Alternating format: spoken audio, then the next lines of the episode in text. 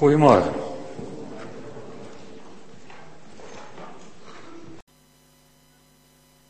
Met missie. Het grappige is, als je het woord missie ergens laat vallen, dat mensen daar zo hun ideeën bij hebben. Een katholiek denkt uh, onherroepelijk aan de zending. Een militair die denkt al snel aan een VN-missie, waarin misschien binnenkort weer op moet worden uitgezonden.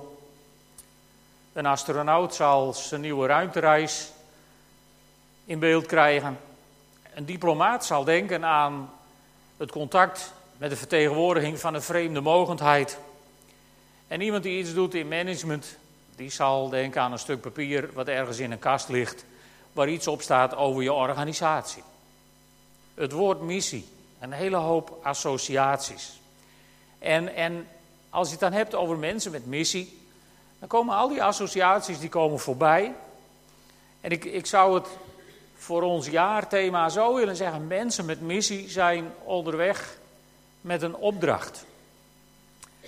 Nou, daar heb ik wat heel leuks over. En dat zit in deze mandjes. Dus we krijgen nu een soort omgekeerde collecte. U hoeft er niks in te doen, integendeel. U mag er wat uithalen. Allemaal één. Ook als u hier gast bent, voelt u vrij. Maar laat ze alsjeblieft even dicht. Dan maken we ze straks allemaal tegelijk open. U krijgt een soort uh, doosje. En in dat doosje zit de afbeelding van iemand met een missie. En laat ik het nu nog maar vast even zeggen. Als u hem straks uitpakt, wilt u dan de verpakking even in uw zak steken of in uw tas? Of... Dat past ook bij een deel van onze missie, namelijk goed op de schepping passen en zo. Dat we dat niet allemaal heen gooien waar we het kwijt willen. Maar neem het even mee. Als je op de voorste rij zit, word je nu natuurlijk vreselijk in verzoeking geleid. Maar we hebben gezongen of de Heer ons daarvan wil verlossen, hè? dus het komt goed uit. Want je wil natuurlijk allemaal weten wat daarin zit. En het goede is, ik weet het. Maar we zijn er bijna.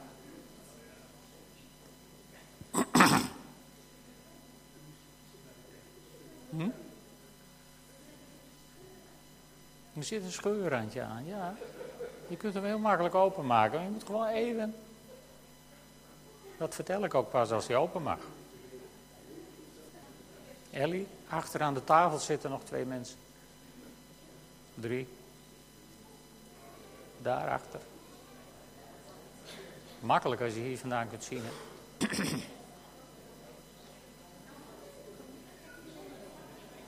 Heb je zo ook je? Heeft iedereen één? Rins en Melanie nog niet, volgens mij. Nou, het uur van de waarheid. Als u hem nou openmaakt, er zit een scheurrandje aan. hebben sommige slimme mensen alvast ontdekt. Als je hem nou openmaakt. En het plastic niet op de grond gooit. Zijn de kosters ook blij. Dan mag hij open En dan ziet u iemand met een missie. Ja.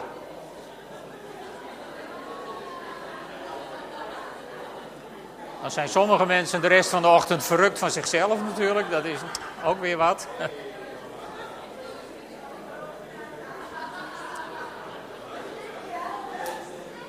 Ik heb daar, uh, ik heb daar ook een heel aardig filmpje over. En dan gaan we even naar kijken. Het is in het Engels, maar ondertiteld. Dus geen paniek. The church is you. De kerk ben jij.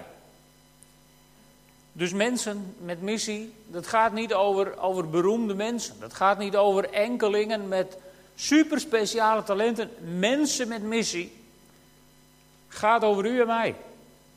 Daar gaan we een heel seizoen mee bezig.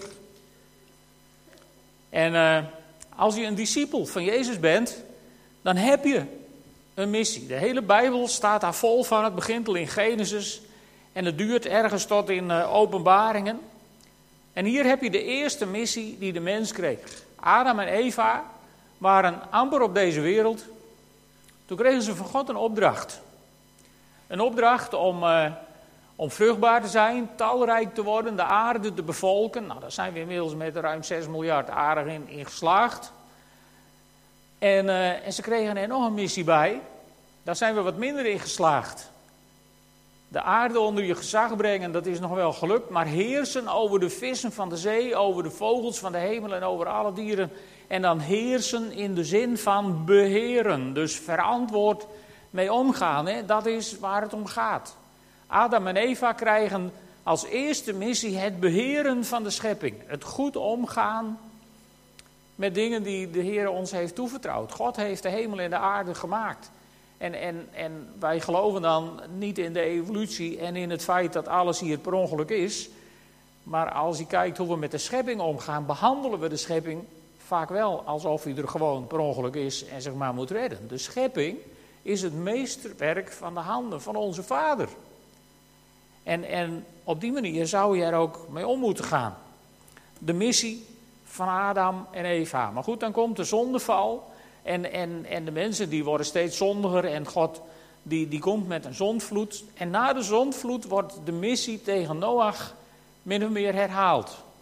Opnieuw zegt God: Wees vruchtbaar en word talrijk en bevolk de aarde. En dan zegt God: De dieren die in het wild leven, de vogels van de hemel, de dieren die op de aardbodem rondkruipen en de vissen van de zee zullen ontzag en angst voor jullie voelen. Ze zijn in jullie macht. Dat is het tragische van de zondeval, waar gezag plaats heeft gemaakt voor macht. En, en, en je hoeft niet zo lang naar het journaal te kijken om helemaal beroerd te worden van de gevolgen die dat heeft op deze wereld. En tegenwoordig gaat het, waar je ook bent, of het nu op het slagveld is in Syrië, of het is in de Tweede Kamer, of in de gemeenteraad, of wherever. Het gaat tegenwoordig overal om de macht. Wie is de baas? Wie heeft het voor het zeggen? En wie plukt derhalve de meeste vruchten? Daar lijkt het op deze aarde om te gaan. En wij, wij als kinderen van God horen daar anders in te staan. Dus dit uitoefenen van macht, dat moet ons niet passen. We hebben het over, over dienend leiderschap in ons visiedocument. En of je dat nou doet als voorganger, of als oudsten, of als kringleiders, of als koster, of als koffieschenker straks. Het is allemaal dienend leiderschap. Met de nadruk op dienend. Dat woord komt eerst. Hè. Heel veel mensen willen vaak naar het leiderschap. Maar dat andere woord staat vooraan. En, en daar moeten we ons bekwamen, zodat die macht, die moeten we niet nodig hebben. Maar de mens die blijft bij elkaar, die gaan niet de aarde over, die gaan het toppunt van naar binnen gericht zijn. Die gaan een toren bouwen, zodat ze altijd weer terugkomen bij het midden. De torenbouw van Babel is eigenlijk het toppunt van naar binnen gericht zijn. En dan krijgt, nadat dat op een debakel uitloopt, krijgt Abraham opnieuw een opdracht van God. En die is niet naar binnen gericht, maar die is juist naar buiten gericht. En God zegt tegen Abraham, en ik heb de tekst even uit de herziene statenvertaling, die is wat, wat duidelijker. Ik zal u tot een groot volk maken, u zegenen en uw naam groot maken. En dan krijgt Abraham die opdracht, en u zult tot een zegen zijn. Ik zal zegenen wie u zegenen, en wie u vervloekt zal ik vervloeken. En in u zullen alle geslachten van de aardbodem gezegend worden. Een geweldige opdracht, een geweldige belofte die Abraham krijgt. Om een zegen te zijn voor de volken. En dan zul je zeggen, ja, nou, dat is dan mooi, maar dat is Abraham zijn probleem. Daar ben ik niet voor verantwoordelijk. Waren het niet dat er iemand is geweest met de naam Paulus, die in een brief aan de Galaten schreef, omdat u Christus toebehoort, bent u nakomelingen van Abraham, erfgenamen volgens de belofte. En uh, ik, ik neem even de vrijheid om ervan uit te gaan dat iedereen die hier zit vindt dat hij Christus toebehoort. Maar wat doe je hier anders? Als je Christus toebehoort, ben je dus geestelijk gezien een nakomeling van Abraham, een erfgenaam van de belofte. Dus wat God tegen Abraham zei, dat mag je als je eigen opdracht aannemen. Een zegen zijn voor de volken. Een zegen zijn voor de mensen om je heen. En daarbij stammen we ook allemaal af van Noach en van Adam. Dus die missie, die hebben we ook. Die hebben we ook te gehoorzamen en mee te nemen. En uh, dan komt, een hele tijd later, de Zoon van God naar deze wereld. Die neemt een aantal mensen met zich mee en die leidt die op tot discipelen. En dan geeft hij ze aan het eind van zijn bediening geeft hij ze een opdracht. En eigenlijk is dit gewoon een verlengde van de opdracht aan Abraham om alle volken tot een zegen te zijn. Want de ultieme zegen die je mensen kunt bezorgen, is ze in aanraking brengen met het evangelie van Jezus Christus. En ze maken tot discipelen. Nou heb je dat alleen niet in de hand. Dat kan wel eens frustrerend zijn, maar de boodschap vertellen, het zaad van het evangelie zaaien door de manier waarop wij in het leven staan, door de manier waarop wij omgaan met dingen en door de manier waarop wij praten over ons geloof. Dat kunnen we allemaal. Jammer genoeg bemoeien we ons vaker met het resultaat van ons zaaiwerk dan dat we gewoon in gehoorzaamheid zaaien overal waar we komen. Ik, ik kan je vertellen van als je gewoon in gehoorzaamheid zaait en de rest even aan God overlaat, wordt het leven veel ontspannender van. Want wij zijn namelijk niet verantwoordelijk voor groei. Je kunt elke cursus gemeentegroei volgen en elk groeiproject kun je met z'n allen opzetten. Maar God zegt, of Paulus die schrijft op een gegeven moment van uh, ik heb geplant, Apollos heeft het een beetje water gegeven en God zorgt voor de wasdom, voor de groei. Dus laten we dat alsjeblieft aan hem overlaten. En laten we zaaien in gehoorzaamheid. Het zou een hele hoop teleurstelling schelen als we wisten wie waarvoor verantwoordelijkheid is en, en ons eigen pakje aan vervolgens bij ons houden.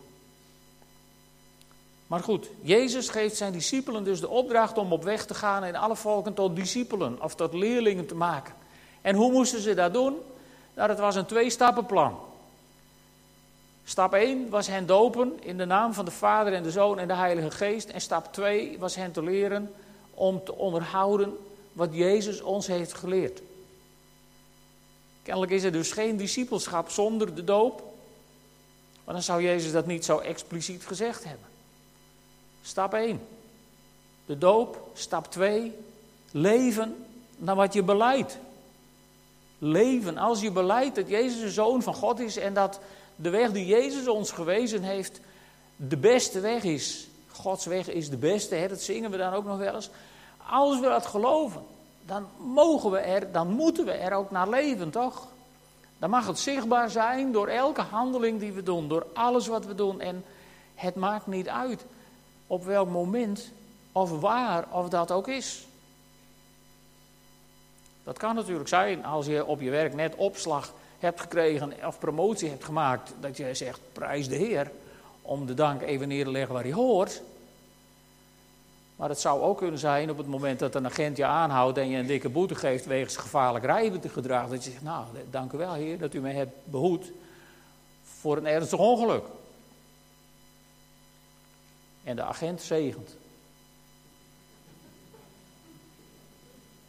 Ja, het kan heel makkelijk zijn en het kan soms wat ingewikkelder liggen in het leven. Maar we hebben een missie om tot zegen te zijn voor alle volken, ongeacht welk beroep ze uitoefenen. Goed, dus onze opdracht is om mensen tot discipelen te maken door ze te dopen en te leren onderhouden wat Jezus ons bevolen heeft, oftewel te leven naar de woorden van onze Heer Jezus. Dat is een, een ongelooflijk grote opdracht waar je, waar je naar zou kunnen kijken en zou kunnen denken, nou dat red ik nooit, dus ik ga er maar noffelijk bij zitten en laat maar. Maar Jezus heeft het ons eigenlijk heel gemakkelijk gemaakt. Ik kijk even met jullie naar de werkvolgorde die Jezus heeft uh, aangeraden bij monden van een engel in Handelingen 1, vers 8. Of misschien was het Jezus zelf, dat weet ik zo gauw niet. Hoe dan ook. Wanneer de Heilige Geest over jullie komt, zullen jullie kracht ontvangen en van mij getuigen. In Jeruzalem, Judea, Samaria en de uiteinden der aarde. Hebben we het wel eens vaker over gehad, hè? Jeruzalem, we hoeven niet allemaal letterlijk naar Jeruzalem om te beginnen. Jeruzalem betekent in je eigen gezin, je eigen familie, in je naaste omgeving. En dan gaan we een klein beetje verder weg. In de straat waar je woont, of op je werk waar je bent, of op de school waar je bent. Een getuige zijn van Jezus Christus. Laat mensen maar weten waar je voor staat. Dan gaan we naar Samaria, dus we breiden het nog een klein beetje uit. Ook naar mensen buiten je eigen kring. Samaria, voor de Joden was dat nogal wat. Hè? Dat was niet alleen maar mensen buiten je eigen kring. Dat waren eigenlijk de mensen waar je niet mee omging. En waar je niks van moest hebben. En, en, en, en waarvoor je demonstratief op de grond spuurde als je ze tegenkwam. Die mensen. En dan tenslotte zegt Jezus, als je dat dan, als je zo ver één keer bent gekomen, dan kun je, wat mij betreft, ook naar de einden der aarde. Maar het kan niet andersom. Als je in je omgeving niet bekend staat als iemand die Jezus dient, dan heb je op de einden der aarde niks te zoeken. Dit is de werkvolgorde die Jezus heeft aangegeven. Hier moet het beginnen. En, en, en, en we hebben allemaal een kring mensen vlak om ons heen. We hebben allemaal ons eigen Jeruzalem. En we hebben allemaal ons Judea. Die hebben we in ieder geval. En daar zouden we moeten beginnen. Dus heb je allemaal een missie. Allemaal een opdracht. En dat mogen we echt doen op onze eigen manier. Gewoon niet door de hele dag alleen maar mensen op de nek te zitten dat ze zich moeten bekeren of dat ze zich moeten, hun zonden moeten beleiden. Ik kan, je, ik kan je uit ervaring vertellen, als jij mensen uit de wereld die Jezus helemaal niet kennen, niet christelijk zijn opgevoed, niet vertrouwd zijn met ons vakjargon, maar die gewoon heel netjes een burgerlijk leven leiden in dit land, als je die begint over hun zonden, dan kijken ze je aan van waar heb je het over? Wat doe ik dan allemaal verkeerd? Nou, ga dat maar opnoemen recht in iemands gezicht. Ik bedoel, dan is de, de, de, de bron om het evangelie te ontvangen, die is redelijk gesloten inmiddels. Maar we hebben allemaal een missie. Om de liefde van Christus te laten zien aan de mensen om ons heen. Die liefde van Christus, daar gaat het om. Het gaat erom dat mensen in ons zien dat we zacht geworden zijn, dat we barmhartig geworden zijn, dat we langmoedig geworden zijn, dus lang de moeder inhouden in relaties met mensen, dat we het nooit opgeven, dat het fijn is om met ons om te gaan en dan willen mensen echt wel naar je luisteren. Zo ingewikkeld is het niet. We hebben allemaal een missie. En dit is de werkvolgorde. En de kern van de boodschap, die vinden we in Lucas. Om in zijn naam alle volken op te roepen tot inkeer te komen, zodat hun zonden worden vergeven. Maar zoals ik al zei, hier moet je niet mee beginnen. Met die zonden. Maar je moet ze wel ja, je moet ze wel uitnodigen, uitdagen. En soms oproepen als ze even naar je willen luisteren. Om tot inkeer te komen. En weet je, hoe zou dat er dan uit kunnen zien? Dat kun je lezen in Marcus 16. Dat zet ik niet allemaal op het scherm, want dat wordt even te veel. Marcus 16 is goed om daar te lezen. Dan zegt Jezus tegen zijn discipelen opnieuw: trek heel de wereld rond, maak aan iedere schepsel het goede nieuws bekend. Wie gelooft en gedoopt is, zal worden gered, maar wie niet gelooft, zal worden veroordeeld. Degenen die tot geloof gekomen zijn, let op, zullen herkenbaar zijn aan de volgende tekenen. In mijn naam zullen ze demonen uitdrijven. Wauw. Ze zullen spreken in onbekende talen, in tongen. Met hun handen zullen ze slangen oppakken en als ze een dodelijk gif drinken, zal dat hun niet deren. En ze zullen zieken weer gezond maken door hun de handen op te leggen. Daar wil ik het vanavond met jullie over hebben, met degenen die er zijn. Hoe doe je dat nou? Hoe makkelijk kun je bidden voor andere mensen?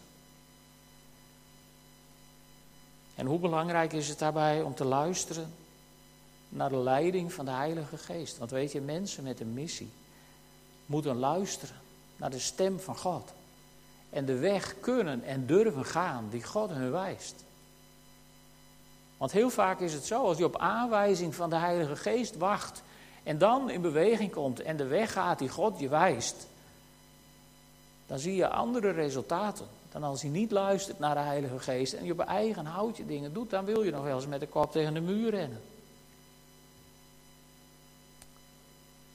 Maar zo zou het eruit kunnen zien.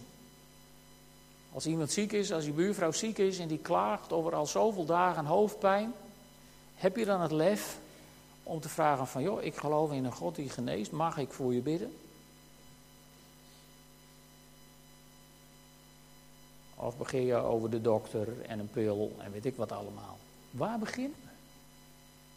Durven we dat? Durf je dat bij collega's? Durf je dat op school? Met het risico dat je voor iemand bidt en de hoofdpijn is niet weg. Durf je het? Want op het moment dat God iemand op je weg brengt die klaagt over iets demonisch of lichamelijks, is het onze missie. Zoals Jezus hier zegt. Om daar wat tegen te doen, om daar tegen in actie te komen. En ik weet wel dat we dat als kerk heel erg zijn kwijtgeraakt. Maar dat is geen excuus om het kwijt te blijven. Ik heb ook voor heel veel mensen gebeden die iets hadden en die niet beter werden. En soms zelfs overleden.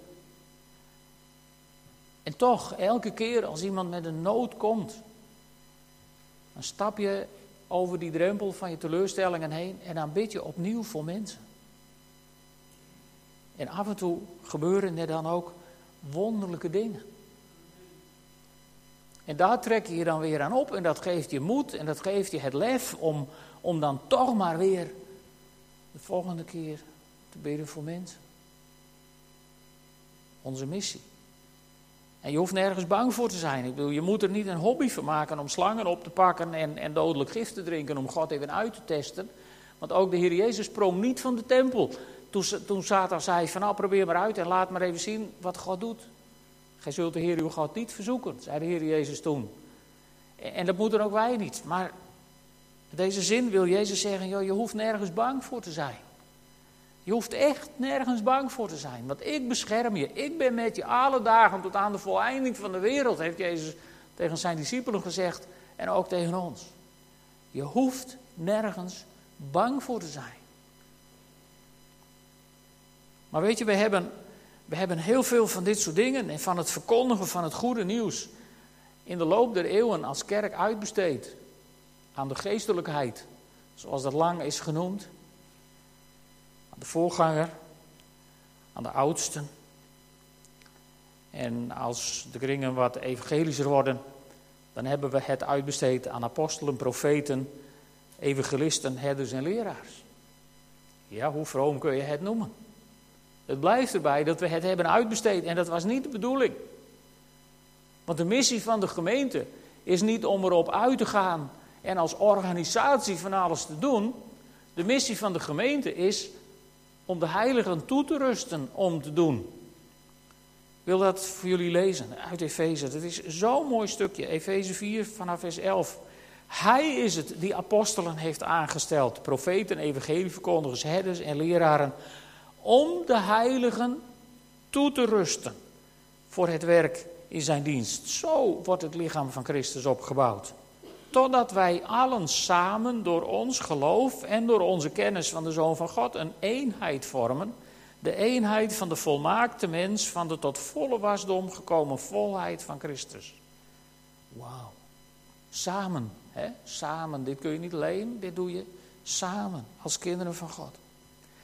En dan gaat Paulus verder, dan zijn we geen onmondige kinderen meer die stuurloos ronddobberen en met elke wind meewaaien. met wat er maar verkondigd wordt door mensen die tot alles in staat zijn wanneer de anderen listig en doortrapt op een dwaalspoor willen brengen. Maar dan zullen we door ons aan de waarheid te houden en elkaar lief te hebben, samen volledig toegroeien naar het hoofd, dat is Christus. Vanuit dat hoofd krijgt het lichaam samenhang en wordt het ondersteund en bijeengehouden door alle gewrichtsbanden. Ieder deel draagt naar vermogen bij tot de groei van het lichaam, dat zo zichzelf opbouwt door de liefde.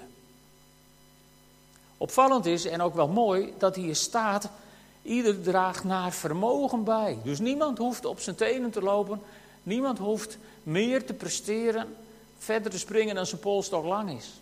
Ieder draagt naar vermogen bij. Dat is voor sommige partijen in Nederland misschien te nivellerend, maar hier draagt ieder naar vermogen bij. Niet alleen met wat je kunt, maar ook vanuit de gaven en de talenten die God jou heeft gegeven. En daarin mag iemand die geweldig viool kan spelen, naar vermogen bijdragen om ons mee te nemen in de aanbidding.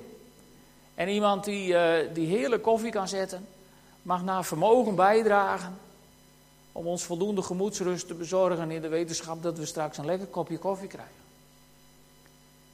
En zo zijn er ook mensen die, die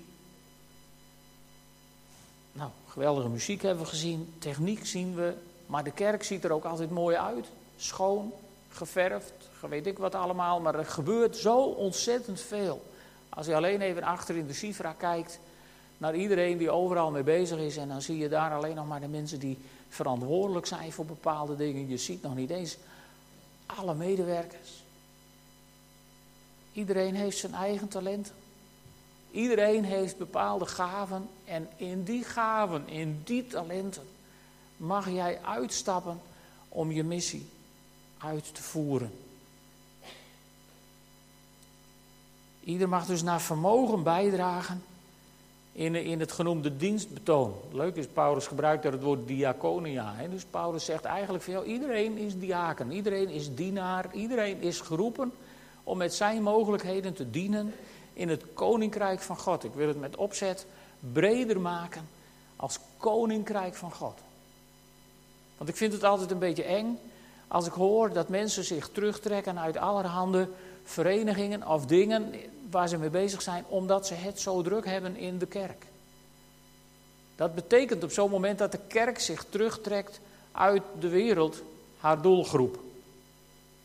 En volgens mij zou het andersom moeten zijn dat als mensen in de wereld, in de doelgroep waarin wij toch door God geplaatst zijn om een licht te zijn voor alle volken, een zegen te zijn voor alle volken, als mensen daarin een taak vinden waarin ze veel mensen bereiken die nooit met het evangelie in aanraking komen, zou je dus eerder als kerk vrij moeten stellen om dat te doen.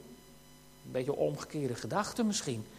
Maar, maar ik had ook ik heb net het boek van Matthijs Vlaardingenbroek gelezen. En dan raak je heel erg onder de indruk. Matthijs Vlaardingenbroek die noemt ook eigenlijk op een gegeven moment van wat, Nederland, wat de wereld nodig heeft, is een faciliterende kerk. Een kerk, een gemeenschap, een plek waar mensen met Jezus in aanraking komen, opgeladen kunnen worden, nieuwe moed kunnen krijgen, nieuwe energie kunnen krijgen, geestelijk kunnen worden opgefrist voor hun taken in de wereld. Voor hun plek, hun verantwoordelijkheid, hun missie. Onder mensen die de Heer Jezus niet kennen. En wat dan ook opvalt, en dat krijg je natuurlijk als je mensen vrijstelt om in de wereld hun dingen te doen. Dan krijg je niet zo gauw een heel groot uitdijend lichaam. Als je dit stukje in Efeze goed leest, dan leidt dit ook niet tot een naar buiten uitdijend lichaam, maar tot een lichaam dat zichzelf opbouwt in de liefde. Tot een lichaam wat op die manier ontstaat waar mensen op afkomen als bijen op de honing. Het is niet zo ingewikkeld. Wij maken het soms zo ingewikkeld. Maar dus als u een discipel van de Heer Jezus bent geworden, dan hebt u een missie om het blijde nieuws door te vertellen. En dat begint vlak om je heen. Dus samengevat zijn dit onze missies. Elk op zijn eigen manier. De schepping beheren. Dus het plasticje wat je net van je spiegeltje hebt gehaald, straks niet op straat weggooien, maar netjes meenemen naar huis en gescheiden in het plastic afval doen. Ja, dan kun je als christen wel denken, ja, wat heb ik daar nou mee te maken? De schepping beheren moet hoog op onze lijst staan. En de wereld om ons heen, die zou ons moeten kennen om de manier, de, de manier waarop wij Nederland schoonhouden. In plaats van de bende die we soms achterlaten. Tweede missie is dat we de volken tot zegen zijn. Dat de mensen die naast je wonen het fijn vinden om naast je te wonen. En de mensen, de collega's die met je werken, het fijn vinden om met jou te werken. Omdat je positief bent, niet zagrijnig, een kind van God. Klaar om naar iemand te luisteren, bereid om iemand even te helpen als het nodig is. Volken tot zegen zijn. En de derde is de blijde boodschap verkondigen.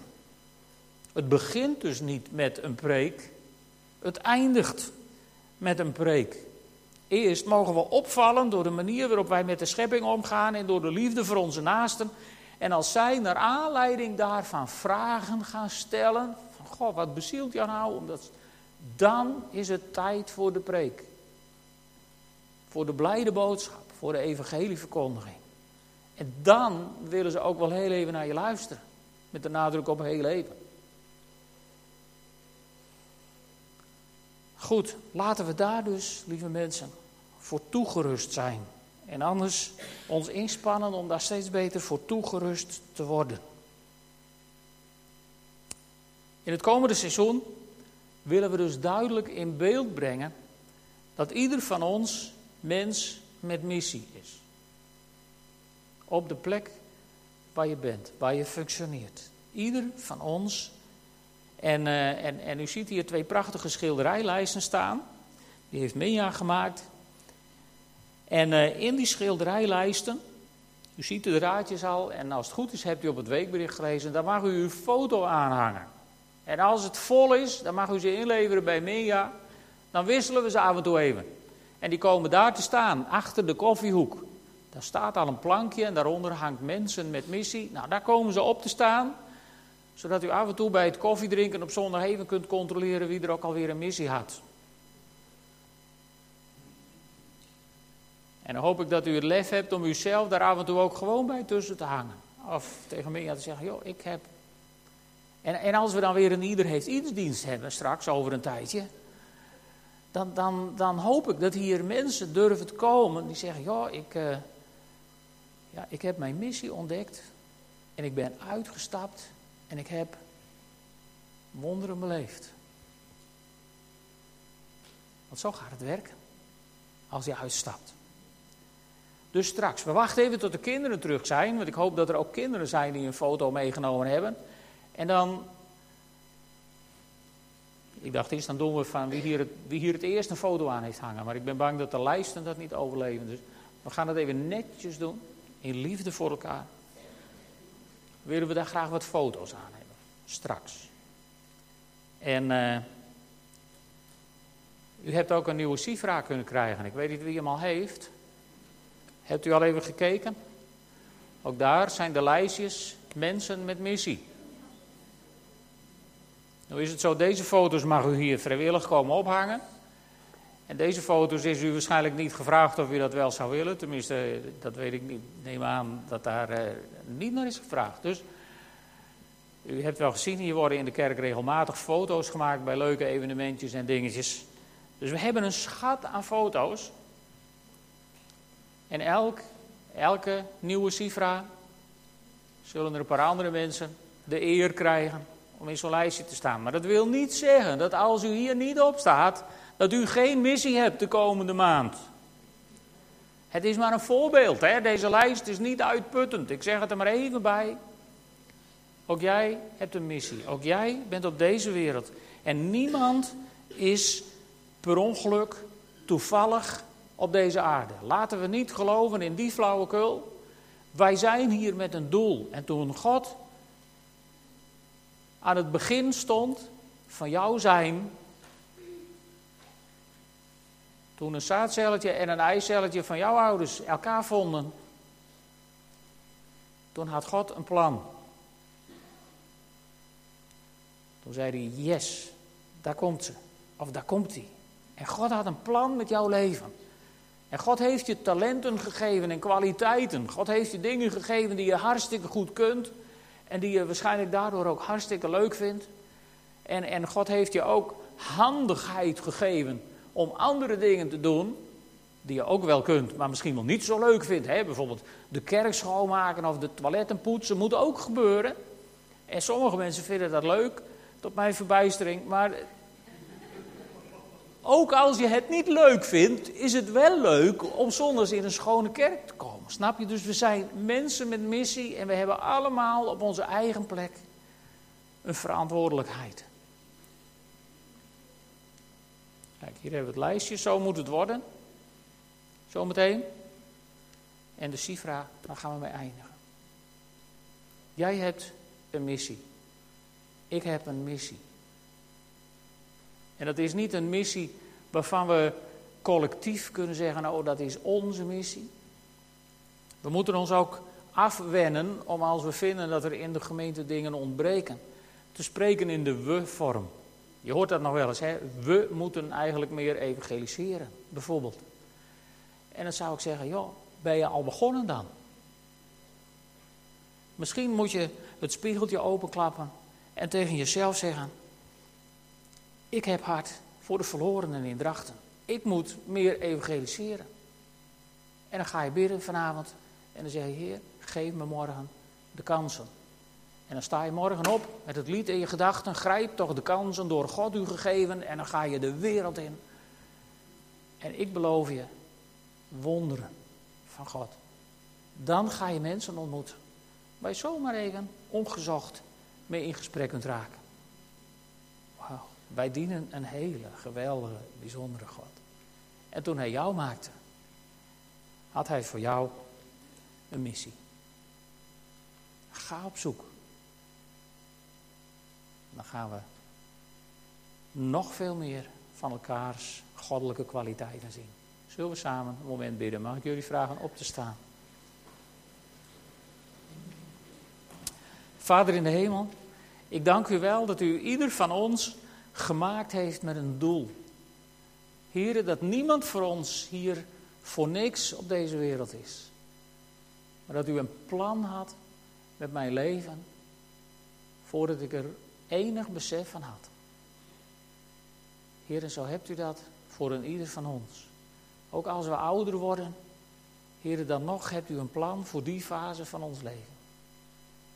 En ook als we piepjong zijn en misschien net zijn begonnen aan ons leven, ook dan hebt u al een plan voor ons. Dank u wel, Heer. Dat we zo, ja, onder uw ogen op deze wereld mogen zijn. En Heer, wilt u door uw Heilige Geest ons zoveel zicht geven op de missie die u voor mij, voor ons, voor ieder van ons heeft. Dat we daar meer en meer in zullen gaan wandelen. Tot vreugde van u en tot vreugde van onszelf. Ik dank u wel, Heer, dat we zo mogen genieten van dat wat u voor ons heeft. Amen.